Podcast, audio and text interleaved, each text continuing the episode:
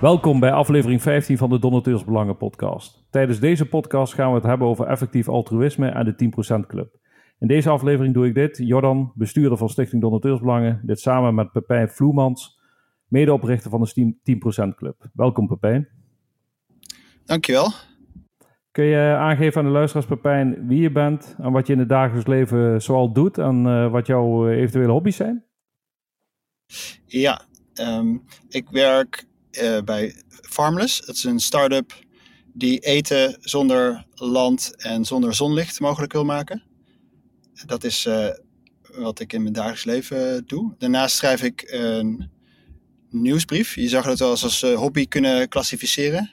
Een nieuwsbrief heet Het Principe van Optimisme. Uh, en dat gaat eigenlijk over vooruitgang en andere ondergewaardeerde ideeën. Kun je, kun je daar een voorbeeldje van geven? Ja, um, ik denk dat de meeste, nou, veel, ik vind veel gesprekken over het klimaat zijn veel, veel negatief en wat we allemaal moeten en alles moet duurder worden om een bepaalde gedragsverandering teweeg te brengen. En ik denk, in mijn nieuwsbrief uh, propageer ik een andere oplossing, namelijk dat we ons moeten richten op een agenda van overvloed. Dus het creëren van nieuwe technologieën waarmee we en duurzaam worden en veel rijker worden als maatschappij. Ja, waarbij het ook waarschijnlijk dan niet eens meer hoeft te kosten voor degene die uh, er gebruik van maakt. Exact. Oké. Okay. Exact. Het zou juist moeten gaan over hoe we alles goedkoper kunnen maken. En ik zie daar een aantal hele veelbelovende technologieën voor, uh, waaronder biotechnologie. Um, en ja, daar, daar schrijf ik dan over, soms in detail en soms in algemene zin, over vooruitgang. Het is een ja, ondergewaardeerd idee, vind ik. Juist. En sowieso ook interessant en waarschijnlijk wel een aparte podcast waard. Uh, maar we gaan dadelijk over de 10% club hebben. Uh, kun je nog even aangeven wat je dus uh, als hobby's hebt wellicht naast je werk? Oeh, als hobby's, ja. nou, ik heb drie kinderen, jonge kinderen. Dus de aantal hobby's die ik heb is daarmee drastisch afgenomen. waar ik soms nog wel tijd voor heb is hardlopen. Oké. Okay. En gewicht heffen. Dat vind ik, uh, dat, ja, dat, dat blijft er nog, nog, daar blijft nog net tijd voor over. Oké, okay, dat is uh, gewicht heffen als zijn in de fitnessschool uh, ja. aan. ja, ik heb mijn eigen, ik, ja, ik heb mijn, ik heb mijn eigen tuinhuisje gebouwd met daarin okay. zo'n hele set. Ja. Okay. Zo serieus neem ik het. Oké. is altijd goed. Uh, maar ja, we gaan het dus over de 10% Club hebben. Uh, kun jij aan de luisteraars uitleggen waar de 10% Club uh, voor staat? Ja, dat is begonnen met een heel eenvoudig idee. Dat ik meestal als volgt uitleg. Als je, de meeste mensen die geven praktisch 100% van hun inkomen uit aan zichzelf en hun naasten. En misschien soms nog een heel klein beetje, maximaal 1% aan goede doelen in de buurt. En ik bedacht me op een dag dat dat niet zo logisch is. Als je kijkt naar de staat waarin de wereld is en er veel onopgeloste problemen zijn die met geld relatief eenvoudig op te lossen zijn, dan begint het op een gegeven moment toch te knagen dat je denkt: hé, hey, waarom ben ik eigenlijk die laatste 10% van mijn inkomen aan het besteden aan mezelf, terwijl de, het nut daarvan niet zo groot is voor mezelf? Althans, dat is ja, die laatste 10% dan kan je net iets schavere vakantie of net iets schavere spullen van kopen misschien. Terwijl die 10% een enorme impact kan hebben op het welzijn van dieren of van mensen um, die het niet zo goed getroffen hebben. Mm-hmm. Nou, en toen heb ik bedacht met een paar andere mensen uit mijn buurt dat het misschien wel leuk was om de mensen die ook zo dachten bij elkaar te brengen. En zo is de 10% Club geboren. Um, ja, eerst de allereerste bijeenkomst met 25 mensen en nu een jaar later de vierde editie met 300 mensen. Ja, ik begreep dat die editie uh, kort geleden is geweest. Uh, kun je aangeven waar die is geweest en wat voor soort mensen daarop afkomen? Ja, uh, we hadden een hele mooie locatie gevonden. de, de Vrijburgkerk in Amsterdam. Gebouwd mm. in de Amsterdamse schoolstijl in de jaren 30. Uh, en nu eigenlijk wordt die gebruikt voor allerlei evenementen en nou, waaronder dus de 10% Club. En we hadden Rutger Brechtman als domineeszoon als gast voor de avond. Dus dat was een perfecte match mm -hmm. in zo'n kerk.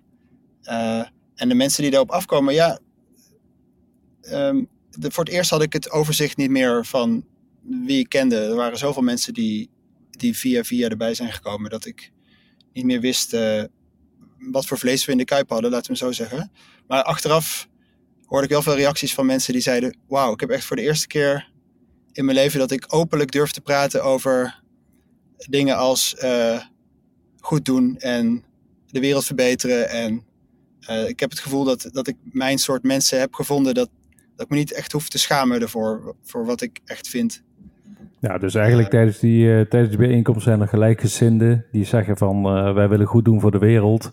en we kijken naar de mogelijkheden waarop we dat kunnen doen. Ja, en daarom hebben ze zichzelf zelf waarschijnlijk ingeschreven om ja, te, komen te komen praten met gelijkgezinden op jullie evenement. Ja, ja, ik denk dat een aantal ook wel nog zeker niet klaar zijn om 10% te doneren. Want dat is wel het uiteindelijke doel.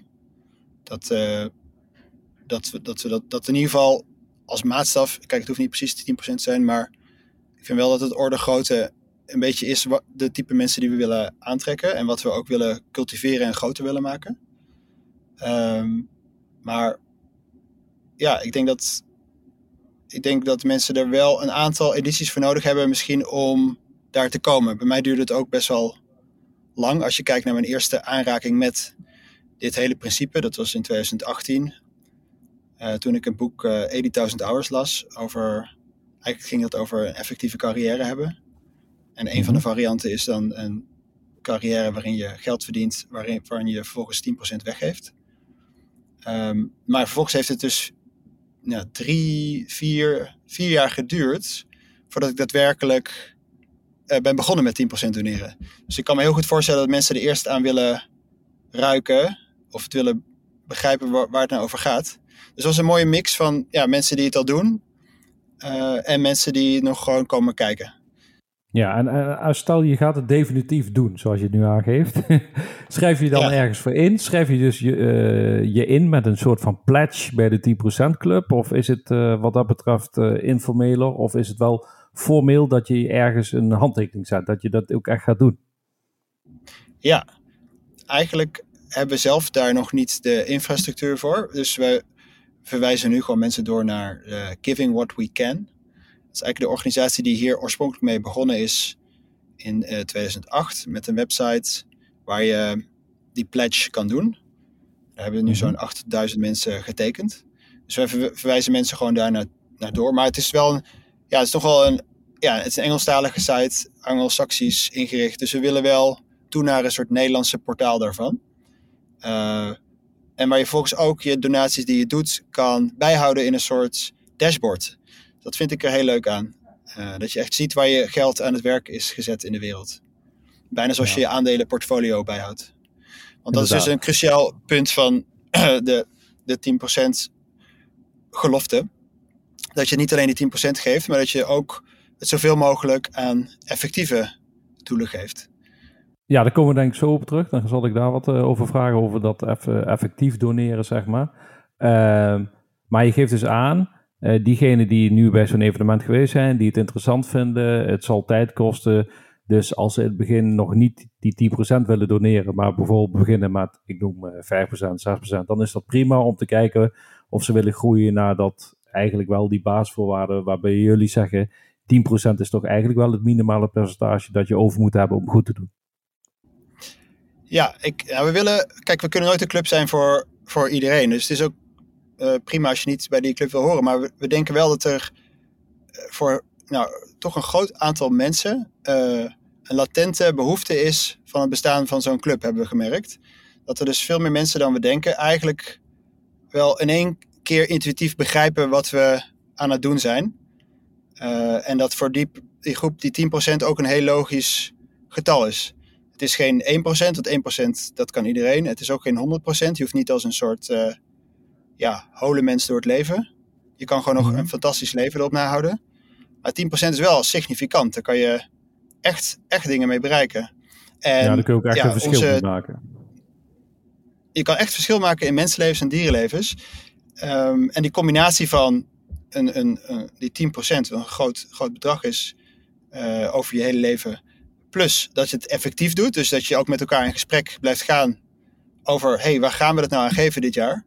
Uh, ja, daar hopen we dus met de 10% Club een, ja, een beweging mee te, te starten. Dat het normaal wordt voor een deel van de mensen die zo altruïstisch zijn aangelegd. Of ja, die zo geboren zijn of die, uh, ja, die, die zich hier verwant mee voelen. Ja, en die nu eigenlijk dus, geen plek hebben waar ze, waar, ze, waar ze terecht kunnen. Juist. Uh, maar eigenlijk worden dus de deelnemers, die, ja, ze hoeven dan die pledge nog niet bij jullie te tekenen, maar we gaan ervan uit dat ze zo'n pledge tekenen. De deelnemers binnen de 10% Club worden dus gezien als uh, zogenaamde effectief altruïsten. Kun je nog voor de luisteraars even kort uitleggen wat effectief altruïsten zijn? En hoe de effectief altruïsten uh, en diegenen die zich bij de 10% Club aansluiten, dus daadwerkelijk die goede doelen waaraan ze doneren selecteren, zoals je aangaf. Hoe gaat dat in zijn werk? Ja. ja, nou ten eerste denk ik eh, voor de, voor de luisteraars, uh, de 10% Club is geïnspireerd op effectief altruïsme. We hebben er dus geen directe banden mee. Uh, we zijn door het gedachtegoed geïnspireerd. En dat is eigenlijk in de kern uh, als volgt samen te vatten. Uh, richt je op problemen die groot zijn. Richt je op problemen die daarbinnen die categorie oplosbaar zijn. En die eigenlijk ondergewaardeerd zijn. Dus niet sexy, waar weinig aandacht naar uitgaat. en dan kom je vaak op best wel tegenintuïtieve uh, problemen. Of uh, om een voorbeeld te geven, als mensen bijvoorbeeld aan, een dierendoelen willen geven, om bijvoorbeeld zwerfhonden te redden, dan gaat, gaat meestal direct uh, is hun gedachte: oké, dan, dan moeten we naar, doneren aan een hondenasiel. Maar als je als effectief altruïst te werk gaat, ga je eerst kijken: hey, waar vindt het gros van al het lijden onder dieren plaats? En dan is het, ja, als je hoeft echt maar even naar de cijfers te kijken, en dan zie je dat is in de bio-industrie. Daar gaan 80 miljard dieren per jaar worden daar uh, geslacht en leven onder verschrikkelijke omstandigheden. Uh, maar als je kijkt naar wat er daadwerkelijk gegeven wordt, dan gaat uh, de meeste goede geld van goede doelen gaat naar die huisdierenasielen en dergelijke. dus wij als nou ja, effectief altruïsten denken dan, hey, dit is een soort gat in de markt. Ik, ik heb een uh, ja, ik heb een, het heet dan een cause area. Ik weet even niet het goede Nederlandse woord ervoor. Uh, aandachtsgebied. misschien wel. Ja. ja. Uh, en dat, dat, gewoon niet, ja, dat gewoon niet op de kaart staat. Dus daar heeft mijn bijdrage extra veel zin. En de stap 2 is dan vervolgens natuurlijk welke goede doelen binnen die categorie zijn er actief. En daar kan je ook weer een selectie in maken. En dat doet bijvoorbeeld ja, Doneer Effectief in Nederland dan, die jullie ook op de podcast hebben gehad. Ja, dus, ja dat was een heel... met Bram, hè, als directeur van uh, ja. uh, Doneer Effectief. Uh, die, die, kunnen de luisteraars dus ook sowieso nog terugluisteren op onze podcastserie. maar als je verder gaat. Ja, um, dus ja, wij verwijzen mensen ook om daar naartoe, naar Doneer Effectief, als de allermakkelijkste stap om gewoon mee te beginnen. Uh, mm Er is al een selectie gemaakt op basis van die criteria. Dus je kan al dus e-, een van de leuke dingen van de 10% Club vind ik, is dat je eigenlijk binnen een dag zo'n besluit kan nemen en je leven kan veranderen. En dat heeft ook iets, ja, iets, het geeft, kan energie geven van, uh, ja, je ziet de hele dag problemen om je heen en je weet niet wat je moet doen. Moet ik vrijwilligerswerk doen? Moet ik dit doen? Maar je kan sowieso altijd beginnen als je daartoe in staat bent natuurlijk, financieel gezien, om, uh, om een significant bedrag te doneren aan effectieve goede doelen. En uh, zo is het uiteindelijk ook bij mij gegaan. Dat ik, uh, toen iemand me erop aansprak, dat zei van, hey, doneer jij nou eigenlijk die 10% al? Toen zei ik, nee, nog niet. Maar nu je het zegt, zou ik het eigenlijk wel moeten doen. En eigenlijk toen heb ik binnen twee dagen alsnog die beslissing samen met mijn vrouw gemaakt. En dan ja, ja, kan je heel makkelijk beginnen met zo'n mandje van goede doelen.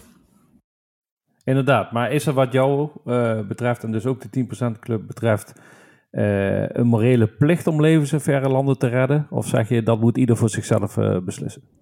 Ha, ja, dat is een interessante. Um, ik, tot nu toe heb ik ontdekt dat er grofweg twee soorten mensen zijn. Inderdaad, de mensen die zeggen dat het een plicht, een ethische plicht is. Bijna zoals als je een kind ziet verdrinken, dat het je plicht is om die, dat kind te redden. Um, dat is één school. En de andere school die zit meer in de, de hoek van kansen. Of van, uh, ja, die, die, zien, die zien gewoon een buitenkans om met hun geld ongelooflijk uh, rendement te halen. Eigenlijk een soort maatschappelijk rendement. Um, en ja, het hangt een beetje af van je, hoe je bent opgevoed, denk ik. Hoe je in elkaar steekt, welke van die twee je kiest. Maar wij zijn open voor allebei de categorieën. Dus ja, we, hebben, we hangen geen, e, geen, geen één levensethos aan. Ook, niet binnen, ook niet binnen eh, moraliteit kiezen we niet voor een bepaalde stroming. Nee, dus, dus zelfs als mensen niet meedoen en aangeven van uh, ik geef helemaal aan geen enkel goed doel, dan zul je ook niet zeggen van ja, maar je hebt daar eigenlijk een morele plicht toe in je leven. Eigenlijk zeg je van ja, dan doe je niet mee en uh, alleen ja. we gaan verder met degene die wel uh, ja. de kansen pakken. Nee, ja, maar zeker. We zitten nu echt nog in de fase van dat heel veel mensen latent dit eigenlijk willen doen, maar nog nooit op zo'n club als de 10% club of effectief altruïsme zijn gestuurd. Dus dan is het altijd het allerbeste om gewoon te beginnen met mensen die, uh, die eigenlijk al voor openstaan. En sowieso mensen overtuigen door iets een plicht te noemen. Ik weet niet of dat de meest effectieve vorm van overtuiging is. Ik denk sowieso door het gewoon te gaan doen. Uh, en door, gewoon, uh, door, door met meerdere mensen dit te gaan doen, zorg je vanzelf voor dat het eerder een gewoonte wordt of een norm. En ik zie daar veel meer kansen in dat mensen bijna onbewust zich misschien wel anders gaan verhouden tot 10% doneren als iets wat, wat normaal is. Ja, en uh, uh, een simpele vraag. je gaf aan om makkelijk te beginnen. en diegenen die bij jullie evenementen zijn geweest en zeggen van ja, ik doe mee en ik ga ook 10% bijdragen. Ehm, ja, die kunnen simpel naar doneren effectief bijvoorbeeld. En die kiezen gewoon een categorie waarin ze bij willen dragen. En ze doen precies wat je zegt, binnen 24 uur kun je meedoen. Maar zijn er ook aanhangers uh, aan deelnemers binnen de 10% club uh, of het effectief altruïsme, die zelfstandig zogenaamde geefkringen beginnen, waarin ze zelf kiezen welke goede zij steunen? Of gaan de meeste effectieve altruïsten of de deelnemers binnen de 10% club af op de wetenschappelijk onderzochte organisatie en geven ze alleen daar hun geld aan? Of ja, zijn ze dus ook echt samen in overleg en kiezen ze met een select gezelschap weer de bepaalde goede doelen waarvan zij vinden dat die effectief en doelmatig uh, impact maken. Ja, wat mij opvalt is dat de, maar mensen die voor het eerst met dit gedachtegoed in aanraking komen, moeten überhaupt nog door de hele stappen heen gaan van uh, de principes van effectief altruïsme. Dus dat is al een hele eerste tour. Dus Kun, kun, kun, je die in het kort, kun, ja, kun je die in het kort noemen? Wat zijn de principes van effectief altruïsme? Als, ik weet niet om hoeveel punten het gaat, maar als je dat in het kort zou kunnen nou, noemen. Nee, dat is eigenlijk net zo wat ik net noemde. Dus de, de schaalgrootte en de oplosbaarheid en de uh, uh, ondergewaardeerdheid. Ik, ik, is dat die manier van nadenken over de wereld, die analytische mhm. houding en dan vervolgens durven, enigszins durven kwantificeren van leed. Um, ja, dat, dan ben je, dat is al, ja, dan heb je zo'n urenlang gesprek wat je daarover kan hebben met iemand voordat het kwartje valt, laten we maar zo zeggen. En waar, waar, wat wij willen bereiken met de 10% Club is een, een katalysator zijn, die avonden. En eventueel ook een online gemeenschap die we later nog gaan bouwen. Uh, waarop meer ervaren uh, gevers in gesprek gaan met meer de newbies. Mm -hmm. Over uh, die principes van effectief altruïsme. Uh, en dan als je helemaal uh, ja, dat begrijpt en misschien dat al een tijdje doet, dan loont het om misschien na te denken van hé, hey, uh, misschien kan ik wel de gevestigde wijsheid van het effectief altruïsme verslaan en een eigen soort gebied ontdekken wat nog niet op de kaart staat, maar wat volgens mij wel erop zou moeten staan. Maar ja, dan moet je wel ja, ik zou zeggen, dan, dan moet je al best wel verdiept zijn in het onderwerp.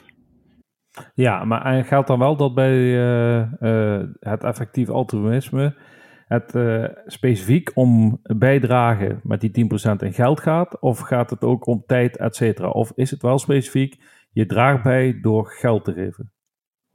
Ja, onze, onze theorie, theorie van verandering, zoals het zo chic heet tegenwoordig, mm -hmm. is dat we mensen een hele makkelijke optie willen bieden om gewoon te beginnen met het doneren. Want zoals ik zei, ja, dat is voor de meeste mensen die gewoon een normale baan hebben, ligt het dichtst in hun bereik. Dan hoeven ze niet hun leven voor om te gooien. Dat kunnen ze direct doen. Vervolgens is onze theorie, als je eenmaal zulke sommen gaat weggeven, wat ja, 10% is behoorlijk wat, ga je er ook echt goed zorgvuldig over nadenken en wil je ook in gesprek gaan met anderen erover. Dat is in ieder geval mijn eigen ervaring. Ehm, nou, vervolgens heb je die gesprekken en heb je misschien daardoor wel inspiratie om misschien na een aantal jaar daadwerkelijk je carrière om te gooien. Maar het begin is dat we is 10% geven. Uh, het is ook prima als je gewoon uh, arts bent en je wil niet je carrière omgooien, je wil gewoon die 10% blijven doneren. Dan ben je hartstikke welkom. Dus uh, sommige mensen vinden het misschien bijna verslavend werken en willen daadwerkelijk hun carrière omgooien. En dat is, dat is natuurlijk dat is ook dat is helemaal mooi. Ja. Um, er komt ook wel wat kritiek uh, op uh, ja, de beweging als een effectief altruïsme. Je gaf zelf net een voorbeeld van uh, je kunt een, een zwerfhond ondersteunen of je kijkt naar een groter geheel vanuit de bio-industrie, zeg maar. Um, ja. Ik, zag, ik zag ook ergens een voorbeeld van een blinde geleidehond die in het Verenigd Koninkrijk zo'n 60.000 euro kost. En dat je daar dus maar één precies, één precies blind persoon mee helpt. En terwijl je met datzelfde geld dus ook, oog, ook oogoperaties in Afrika voor ernstig slechtziendheid bij uh, 70 mensen kunt terugdraaien. dat klinkt natuurlijk fantastisch. Maar vind jij dan niet dat die persoon in de westerse wereld ook recht heeft op die specifieke blinde geleidehond? Ja, alleen daar gaat dus al stiekem heel veel geld naartoe. belastinggeld. Mm het is niet ondergewaardeerd. Het, is, het is gewoon een heel duidelijk probleem. Er worden collecties voor opgehaald. Er zijn al, bestaan al allerlei initiatieven voor. Uiteindelijk kan je daar als individu niet het meeste toevoegen. En ik, ja, persoonlijk vind, vind ik het fijn om in mijn leven zoveel mogelijk impact te hebben. En als je dat stom vindt of niet wil doen, dan is dat ook uiteindelijk je goed recht. Maar wij willen een club zijn voor mensen die zo ook in het leven staan. Uh, ja, dus ja, eigenlijk zeg je... tijd op aarde ja, eigenlijk zeg je dus, diegenen die dus uh, bijdragen, uh, die kunnen met hetzelfde geld uh, meer verschil in meerdere levens van dier of mens maken, in plaats van absoluut. aan één specifiek iets bijdragen. Ja, absoluut. Ja, je kan een, een, een enorm verschil maken met je, met je geld. Um, ja. En ja, ik, ik, ja, het is inderdaad een oncomfortabele som. En ik denk alleen dat je het gesprek ja, niet uit de weg moet gaan. Ik, ik denk dat het een goed gesprek is om te, te hebben. Ja, en heb je, wel eens, heb je wel eens van die gesprekken dat als iemand aangeeft. Uh, ik heb iemand geholpen, uh, direct in mijn omgeving bijvoorbeeld, of uh, via via, waarbij één persoon geholpen is, waarbij jij dan zoiets hebt van, nou, eigenlijk had je met je geld nog veel meer kunnen bereiken. Ga je zo'n discussie wel eens aan met ja. mensen? Nee. nee, want dat vind ik fantastisch. Nee, dat, dat, dat zou echt heel ja, gewoon dom en bot zijn ook. En mhm. totaal vruchteloos. Want dan stel je jezelf ook op als iemand die arrogant is en alles, alles weet. Uh, plus, het is ook heel logisch dat je mensen in je omgeving wil helpen. Zo zijn mensen ook gewoon ingericht. En ik wil het zelf ook doen. Maar um, er is wel een verschil tussen dat af en toe doen en 10% van je inkomen geven. Uh, en dat willen optimaliseren voor mij is, zijn die stappen zelfs met elkaar gecorreleerd. Om, eh, hoe ik eigenlijk grof gezegd over goed doen nadacht, voordat ik met effectief altruïsme in aanraking kwam, was dat, ik, dat het eigenlijk niemand zeker wist of het überhaupt werkte. Dat er heel veel sceptisch was of het over, over misschien het zelfs wel negatief werkte. Bijvoorbeeld mhm. ontwikkelingshulp in Afrika, dat het alleen maar leidde tot corruptie of, of afhankelijkheid en dergelijke. Maar juist het het inzicht dat het effectief, dat sommige doelen zo extreem effectief zijn, daardoor ben ik tot de conclusie gekomen: oh, als dat zo is, ja, maar dan is het heel logisch om ook een groter deel te doneren. Ja.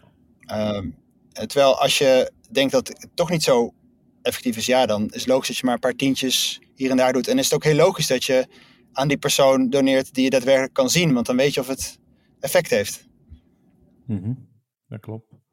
Uh, wat, wat mij wel opgevallen is, uh, Pepijn, is het feit dat ik niet 1, 2, 3 zie dat uh, binnen het effectief altruïsme ook Nederlandse, in Nederland uh, gevestigde non-profits, uh, ja, dat die zeg maar, zich hebben laten toetsen aan die criteria. En dat het lijkt dat het geld wat mensen doneren altijd naar buitenlandse organisaties gaan. Dus hoe kijk jij naar die non-profit sector in Nederland in het kader van jullie verhaal?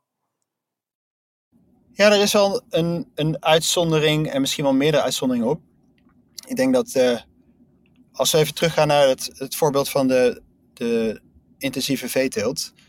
Als we dat willen oplossen, dan heb je eigenlijk twee routes die je kan wandelen. Eén is de morele kant. Gewoon zeggen dat mensen vegan moeten worden. Of minder vlees moeten eten. En de andere kant is dat we technologische oplossingen moeten verzinnen. Zoals fermentatie of kweekvlees of hele goede plantaardige burgers. Um, en nu is dat toevallig iets waar Nederland uh, bijzonder goed in is. We hebben heel veel onderzoeksinstituten en start-ups en uh, gewoon veel kennis over die technologische oplossingen. Dus mm -hmm. zijn er ook organisaties zoals bijvoorbeeld um, de Good Food Institute, maar ook uh, ProVeg, uh, die daadwerkelijk die hele hoge um, ja, lat halen die effectief altruïsme legt. Ja, uh, zijn dus dat dan goede, zijn dat goede doelorganisaties of zijn dat social ja, enterprises? Allebei 100% non-profit, goede doelen. Okay. Uh, dus zij richten zich met name op uh, overheidslobby. Om dus bijvoorbeeld, als je kijkt nu naar waar de overheid er geld in stopt, of de EU of de Nederlandse overheid, dan gaat er zo'n, wat zij inschatten, zo'n 70 tot, geloof 130 keer zoveel geld naar het instand houden van intensieve veeteelt als naar de alternatieve eiwitten. Um, en dat is natuurlijk ja, bizar. En zo'n ProVeg of zo'n Good Food Institute uh, kan ervoor lobbyen met relatief weinig mensen om die getallen wat gelijker te trekken. Dus een gelijker speelveld te creëren. En dan buig je overheidsgeld om. En dat gaat om zoveel geld vaak. Uh, dat het een hele slimme geïnvesteerde euro is. Want als je vervolgens kijkt naar de oplossingen die dan gemaakt worden, die hebben weer de potentie om zich over de hele wereld te verspreiden. En daarmee het einde van de intensieve veeteelt uh, dichterbij te brengen, sneller dichterbij te brengen. Ja. Uh, dus er zit een soort hele causale redenering in waarom die euro naar een technologische oplossing hier in Nederland uiteindelijk voor de meeste dieren effect heeft in de wereld. Juist. Voor zover bekend bij ons geldt dat er geen enkel CBR-verkend goed doel uit Nederland zich heeft laten toetsen op basis van de effectief altruïsme criteria. Hoe komt het, denk jij, en is dat bekend bij jou, dat eigenlijk Nederlandse CBR-verkende goede doelen ja, de zaakjes dan niet effectief zijn? Of hoe moeten we dat zien? Ja, volgens mij kijkt de CBF, ik weet er niet superveel van, maar ze kijken met een andere lens naar, uh, naar goede doelen en naar effectiviteit. Jij, jij weet er veel meer van, maar volgens ja, mij ja, kijken ze met de lens van. Yes, ja, ik kan in ieder geval uitleggen van het CBF uh, is een uh, toezichthouder die goede doelen die zich vrijwillig laten toetsen, uh, controleert op een x aantal normen. En in de normen wordt er vooral gekeken naar, is organisatorisch een en ander goed ingeregeld en zijn de financiën op orde. En meer en meer zullen ze ook gaan kijken naar impact. Maar de impact is niet uh, vastgelegd in een norm waar je aan moet voldoen uh, voordat je wel of niet CBR verkend kunt zijn. Dus ja, of er doelmatig impact wordt gemaakt, ja, dat, daar kun je nog je vraagtekens bij stellen. Zeg maar. Uh, ze geven per CBF erkend goed doel aan wat het percentage is wat naar de doelbesteding gaat van zo'n organisatie. En ja, dus is vooral kijken naar, is er goed bestuur, zijn de financiën op orde en gaat er een bepaald percentage naar de doelbesteding. Maar er wordt verder niet, voor zover bekend bij ons, daadwerkelijk gekeken naar hoe effectief is het. Ja, ja dat, dus dit is een klassieke ja, tweestrijd, denk ik, uh, in de goede doelenwereld. Kijk, als je vanuit effectief altruïsme kijkt, die kijken meer naar, naar een goed doel van, uh, zoals je misschien een laptop, een MacBook of zo zou kopen, van, hey, hoe snel is die, wat voor waar krijg ik voor mijn geld? En die kijken, gaan niet vervolgens, als je, als je een MacBook koopt, ga je niet kijken wat de beloning is van de top of wat, ehm, ja, wat, hoe transparant het bestuur is van Apple. dat interesseert je doorgaans, geloof ik, niet echt. Ehm, je kijkt gewoon naar de uitkomsten. En volgens mij wat CBF doet, is heel erg naar het proces kijken. of dat goed verloopt.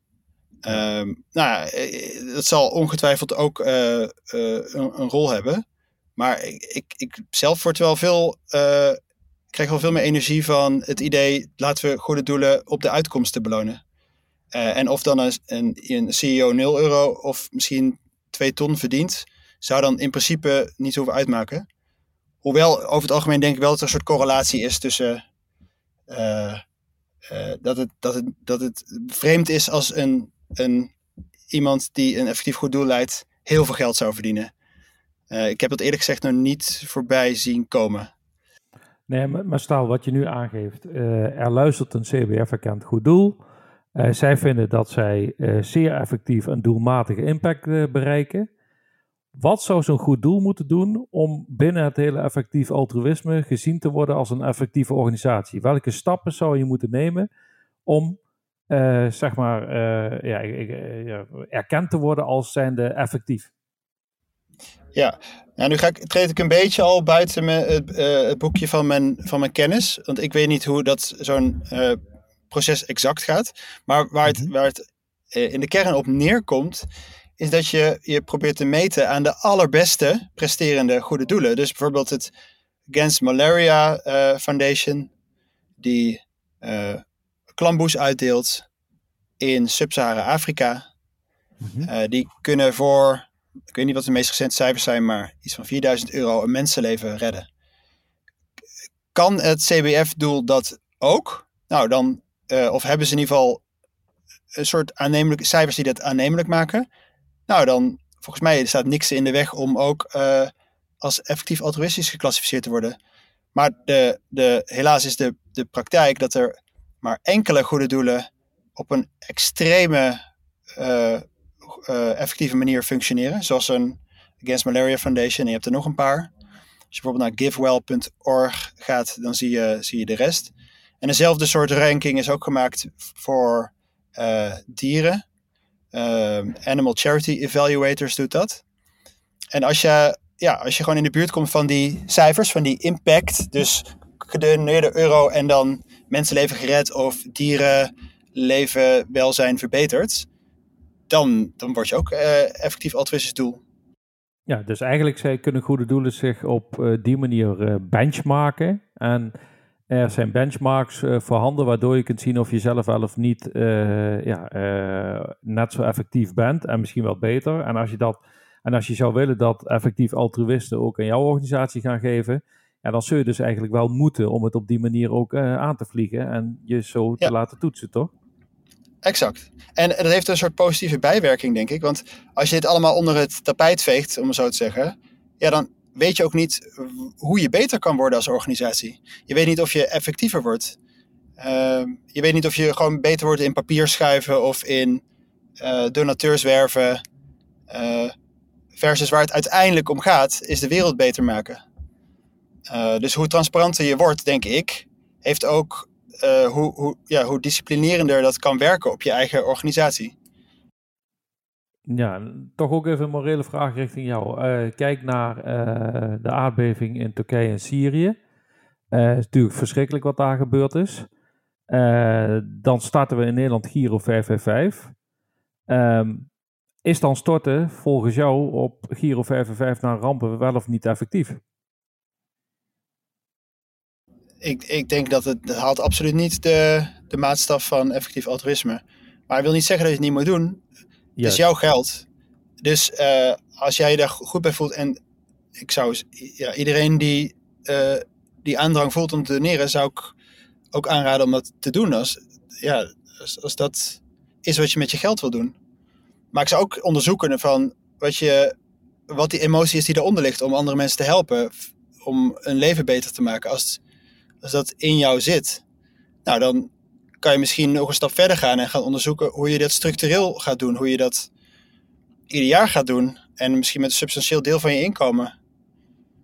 ehm, ja, dan reageer je niet, maar dan ben je eigenlijk proactief bezig. En dat is ook de, de, de, ja, de denkstap die wij mensen willen laten maken. Dat ze, ja, dat ze niet uh, zich laten leiden door alles wat op ze afkomt, maar dat ze zelf grondig onderzoek kan doen. En los van het geven aan goede doelen. Ehm, dus uh, zeg maar, jij hebt besloten, ik doe mee uh, aan een effectief altruïsmebeweging of ik, ik, ik, ik uh, koppel me aan de 10% club. Dus los van het geven van die 10% aan goede doelen, wat zou er volgens jou nog meer moeten veranderen in onze wereld als het gaat om het verbeteren van de wereld? Oeh, dat is wel een hele grote vraag. Ja, laat ik zo zeggen. Dat eigenlijk, wat is voor jou de grootste uitdaging voor de komende jaren om eigenlijk uh, uh, ja. een en ander in de wereld te verbeteren? Uh, los ja. en buiten om datgene wat je ja. nu als 10% club doet. Um, ja, grappig genoeg ben ik... Ja, een, een van de dingen waar, waar ik denk die ook ondergewaardeerd zijn, is... En, en wat misschien zelfs buiten de categorie van doneren valt voor een deel, wat ook met daadwerkelijk uh, ja, start-ups kan worden opgelost en met overheidsingrijpen, uh, is de alternatieve proteïne uh, revolutie. Ik denk dat dat zoveel problemen oplost als we stoppen met dieren gebruiken voor eten en kleren. Um, kun, je, kun je even kort aan de luisteraars uitleggen waar dat op ziek, ja, precies voor staat? waar moeten we aan denken? Bij alternatieve eiwitten. Ja. Ja, ja dat, dat zijn eigenlijk alle technologieën die ervoor zorgen dat we geen uh, dieren meer nodig hebben voor ons voedsel of voor mm-hmm. onze kleding. Dus dan kan je denken aan, uh, nou, het meeste tot de verbeelding sprekend is nu natuurlijk uh, gecultiveerd vlees. maar een hele ondergewaardeerde, waar ik zelf pas twee jaar geleden op gestuurd ben, is fermentatie. Eigenlijk het soort millennia oude proces wat we al gebruiken voor bier en wijn en kazen te maken. Ja. Eigenlijk het gebruiken van bacteriën uh, of schimmels om, grof gezegd, suikers of een andere input om te zetten in alles wat mensen willen eten, drinken. Dus kunnen eiwitten ja. zijn, vetten, vitamines. Um, dus dat die, dus die, ja, die staat echt in de kinderschoenen, die fermentatierevolutie. Uh, maar ik denk dat er heel veel mensen van voor nodig zullen zijn om die tot een succesvol einde te brengen. Uh, dus dat vind ik een bemoedigende categorie ook als de 10% club straks groter wordt. En mensen gaan zich afvragen, hey, uh, hoe, hoe heb ik, ik, ik doneer nu wel 10%, maar hoe kan ik nog meer toevoegen? Nou dan, ik denk dat een hele interessante soort richting is om op na, over na te denken, is zoek een baan in de alternatieve eiwitten sector. Uh, dan, zit je, dan haal je een hele hoge effectiviteit, denk ik. Ja, en dan zit je, je datgene, ja, dan zit je eigenlijk wat je ook geeft van uh, bij uh, datgene wat echt het grote verschil gaat maken in de toekomst. Ja, ja ik denk dat dat op zoveel vlakken verschil gaat maken. Want als je geen dieren meer nodig hebt, dat betekent dat je veel minder landbouwgrond nodig hebt. Dus veel minder landbouwgrond betekent dat daar voor een groot deel weer bossen kunnen teruggroeien, die weer CO2 opslaan en zorgen voor meer biodiversiteit. Je hebt ook veel minder landbouwgif nodig, veel minder stikstof, bemesting. Uh, dus het aantal dode zones neemt af in de wereld. Je hebt minder uh, zoonose, dus ziektes die ontstaan doordat je dieren dicht op elkaar pakt. Je hebt veel minder antibiotica gebruik. Uh, resistentie voor antibiotica is ook een van de sluimerende grote problemen die onze gezondheid kan aanvallen deze eeuw. Uh, ja, dit, dit, lijstje gaat maar door. Dus als je voor mensen die niet kunnen kiezen, vind ik altijd wel leuk, dat zegt de oprichter van uh, Nederland ook, Pablo Moleman. Die zegt, ja, ik kon zelf niet kiezen, dus ik ben maar uh, begonnen om de dieren uit de voedselketen te halen. Want daarmee los ik eigenlijk alle problemen op. Ja, dat is een uh, behoorlijke stap die je dan zet, zet dan. Ja, ja ik, uh, we zitten zo'n 40 minuten te praten. Uh, ik wil je eigenlijk hartelijk bedanken voor de uitleg uh, die je hebt gegeven met betrekking tot de 10% Club. Um, maar is er nog specifiek, specifiek iets waar jij nog het over wil hebben, Pepijn? Of een onderwerp of iets wil aansnijden wat nog niet te tafel is gekomen? Oeh, dat is een goede vraag. Um... Huh. Goh, Ja, moet ik la- even, anders, anders eh, gezegd, ander- anders gezegd ben, ik, Ja. ben ik nog iets vergeten met betrekking tot eh, de hele beweging en de stroming, zoals uitgelegd door jou zojuist, eh, waarvan je zegt van, ja, dit zou ik nog minimaal moeten melden eh, aan de luisteraars om, eh, ja, om, om daar in ieder geval nog even bij stil te staan. Nou, heel praktisch dan. Eh, de 10% Club organiseert vier keer per jaar eh, fysieke bijeenkomsten. Eh, dus iedereen die dit luistert is daar van harte voor uitgenodigd. Meld je even aan op de website 10%.club. We hebben net een nieuwe website gelanceerd. En dan kan je ook op de hoogte blijven van wat we aan het doen zijn. Ehm, en ook als je twijfelt eh, hierover, of je bent gewoon nieuwsgierig, eh, ja, voel je niet afgeschrikt door die, door die 10%. Het duurde voor mij ook vier jaar voordat ik daarvan overtuigd was. Eh, kom gewoon langs en kijk of het bij je past. En of er mensen zijn die jouw waarde hebben en delen. Nou, is denk ik een mooie afsluiting en een mooie tip voor degenen die eh, luisteren. En eh, ik wil je dus hartelijk danken en je veel succes wensen met de 10% Club, eh Pepijn. Dankjewel Jordan. Vond het een leuk gesprek. De Donateursbelangen podcast edities bestaan uit gesprekken over onderwerpen die spelen in de non-profit sector in Nederland. Voor meer informatie over of eerdere afleveringen ga naar donateursbelangen.nl slash podcast. Wil jij of jouw organisatie een bijdrage leveren omdat jullie een interessant onderwerp hebben met betrekking tot de non-profit sector en donateursbelangen in het bijzonder? Neem dan contact met ons op. Tot de volgende Donateursbelangen podcast aflevering.